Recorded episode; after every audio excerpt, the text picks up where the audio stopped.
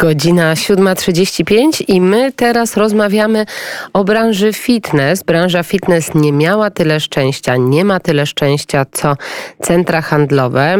Tutaj jednak rządzący nie zmienili obostrzeń i kluby fitness, place e, e, zabaw chciałam powiedzieć, siłownie i kluby fitness zostają cały czas zamknięte.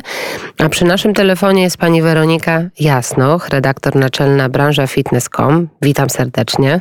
Witam, dzień dobry. Nie mieli Państwo tyle szczęścia, co przedstawiciele centrów handlowych i instytucji mm, kultury. Jak Państwo argumentują rządzący to, że dalej siłownie i kluby fitness są zamknięte? E, cóż, tutaj ta e, argumentacja niestety jest dosyć mylna, e, w zależności od tego, kto w danym momencie analizuje sytuację, kto się wypowiada, no to słyszeliśmy różne argumenty, tak? Słyszeliśmy o, e, od e, pana Chorała o za niskich sufitach, e, słyszeliśmy również od profesora Andrzeja Horbana o tym, że po prostu jest to niebezpieczne, że siłownia to centrum zarażeń, że wystarczy kupić sobie hantle. Przy czym jednocześnie w tej samej wypowiedzi argumentował, że nauczyciele oraz uczniowie są w sile wieku, więc jakoś dadzą radę. E, no, nas przeraża przede wszystkim nieznajomość branży, tak? ponieważ osoby decydujące niestety, ale o być albo o nie być e, firm, które w tym momencie walczą o życie, no ewidentnie po prostu samej branży nie znają. Tak? E, w wielu wypadkach najwyraźniej nie zadały sobie trudu, żeby zbadać, jak rzeczywiście sytuacja wygląda, ponieważ ośrodki sportowe, kluby, siłownie e, w tym momencie naprawdę są na bardzo wysokim poziomie. To są obiekty, które zarówno przestrzegają na co dzień e, różnego rodzaju restrykcji sanitarnych, jak korzystanie z zaręczników, dezynfekcja, ale tak jak zostało to też sugerowane w, w obecnie nakładanych obostrzeniach tutaj ze strony przedstawicieli branży fitness. E, tych obostrzeń nawet dołożyliśmy ze swojej strony po to, aby każdy uczestnik mógł się czuć bezpiecznie. I mimo to, że Państwo się starają, mimo to, że Państwo chcą utrzymać reżim sanitarny, nie udało się jednak e, przekonać rządzących ani strony tej, która odpowiada za te decyzje. E, tak, zgadza się. Z, z końcem stycznia zostało ogłoszone przedłużenie e, restrykcji, przynajmniej przedłużenie właśnie e, dla branży fitness, jak również dla branży gastronomicznej, hotelarskiej. No każdy myślę siedział jak na szpilkach, trochę jak na wyrok.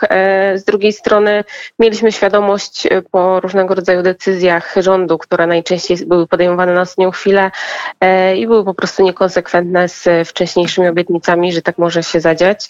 No tego względu, e, idąc pokłosiem e, góralskiego weto, również branża fitness e, podjęła decyzję nawet przed ogłoszeniem tych obostrzeń, że niezależnie od tego, jaka będzie decyzja, to część klubów otworzy się z dniem pierwszym lutego. No i ten pierwszy lutego nastąpił wczoraj. Ile klubów fitness w Polsce się otworzyło? E, nieoficjalnie można mówić, że, że działa około 1500-1700 klubów, e, klubów, a w zasadzie ośrodków, tak? Byłoby lepiej z, powiedziane z, z 4,5 tysiąca. Natomiast e, są to wszystko liczby nieoficjalne, tak? Bo cały problem polega na tym, że po prostu ludzie się boją. Zarówno ci, którzy korzystają z różnego rodzaju usług, ale również osoby prowadzące tego typu ośrodki, ponieważ jak już historia niejednokrotnie pokazywała, nagłośnienie tego typu spraw, otwarć, no ostatecznie kończy się po prostu wzmożonymi kontrolami.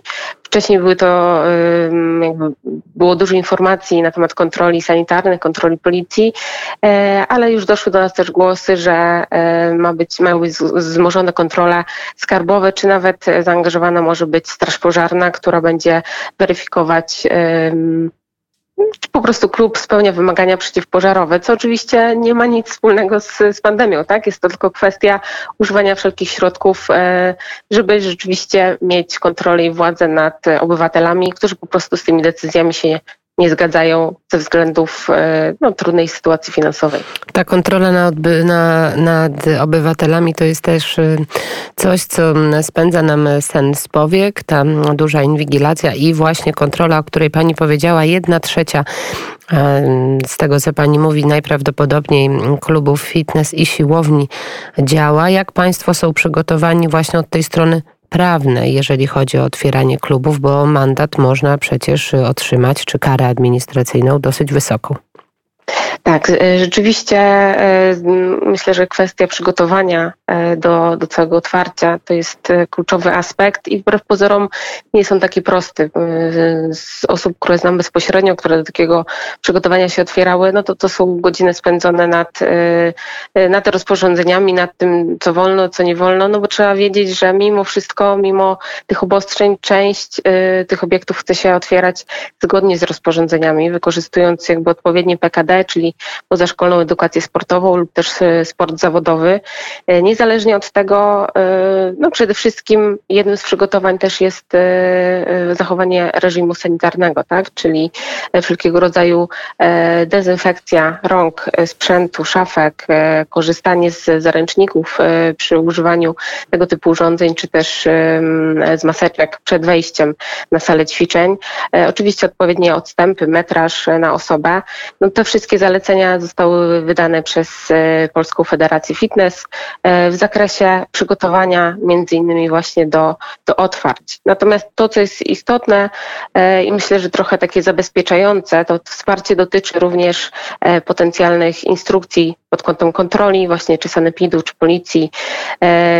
Został też przesłany wykaz, jakie są uprawnienia osób kontrolujących, czy też nawet chociażby, jeżeli mówimy o wsparciu pod kątem skierowania później pozwów no, w trybie cywilnym przeciwko e, osobom kontrolującym obiekty, a przekraczającym swoje uprawnienia.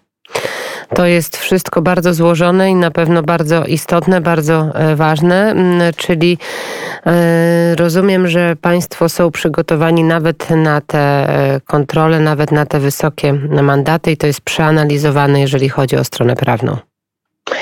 Trzeba wiedzieć, że y, gros tych kontroli już się odbyło i tak naprawdę te obiekty przeszły je bez zastrzeżeń. Tak? No, kwestia jest tego, jak podchodzimy w ogóle do życia, tak? Bo oczywiście idąc tutaj parafrazując e, słowa profesora Horbana, można by e, zjeść w domu, bo się da, e, potańczyć w domu, zamknąć dyskoteki, bo się da, ćwiczyć w domu i w zasadzie moglibyśmy zrezygnować z państwa, bo jesteśmy w stanie to wszystko zrobić w domu. Natomiast musimy mieć świadomość tego, że osoby prowadzące te biznesy to też są ludzie, to są nasi sąsiedzi, nasza rodzina, nasi przyjaciele, znajomi i oni po prostu w tym momencie pozostają bez e, środków do życia. Więc myślę, że takie rozsądne podejście, e, zachowanie wszystkich reżimów, które nie oszukujmy się, nie, niejednokrotnie w marketach e, spożywczych bywają przekraczane, nie bywają utrzymywane po prostu w momencie, w którym nie możemy wychodzić gdzieś indziej, a możemy tylko do marketów, to ludzie się tam gromadzą nawet w kolejkach. Nie jest, nie jest po prostu zachowywany odstęp. Także myślę, że jeśli podejdziemy do tego z głową, to jesteśmy w stanie zachować rzeczywiście bezpieczeństwo, zagwarantować je naszym klubowiczom, ale jednocześnie też pozostając przy tych restrykcjach prawnych, e, zrobić to po prostu e, zgodnie z, z prawem. Bardzo dziękuję za ten głos. Weronika Jasnoch, redaktor naczelna branża fitness.com mówiła właśnie o tym, jak branża fitness się ma i jak będzie działać. Dziękuję za rozmowę. Dziękuję serdecznie. Pozdrawiam. I pozdrawiamy. Za kilka minut będziemy już rozmawiać z posłem Kukiz 15 Pawłem Szramką, ale zanim to nastąpi, to kilka chwil z Renatą Lewandowską.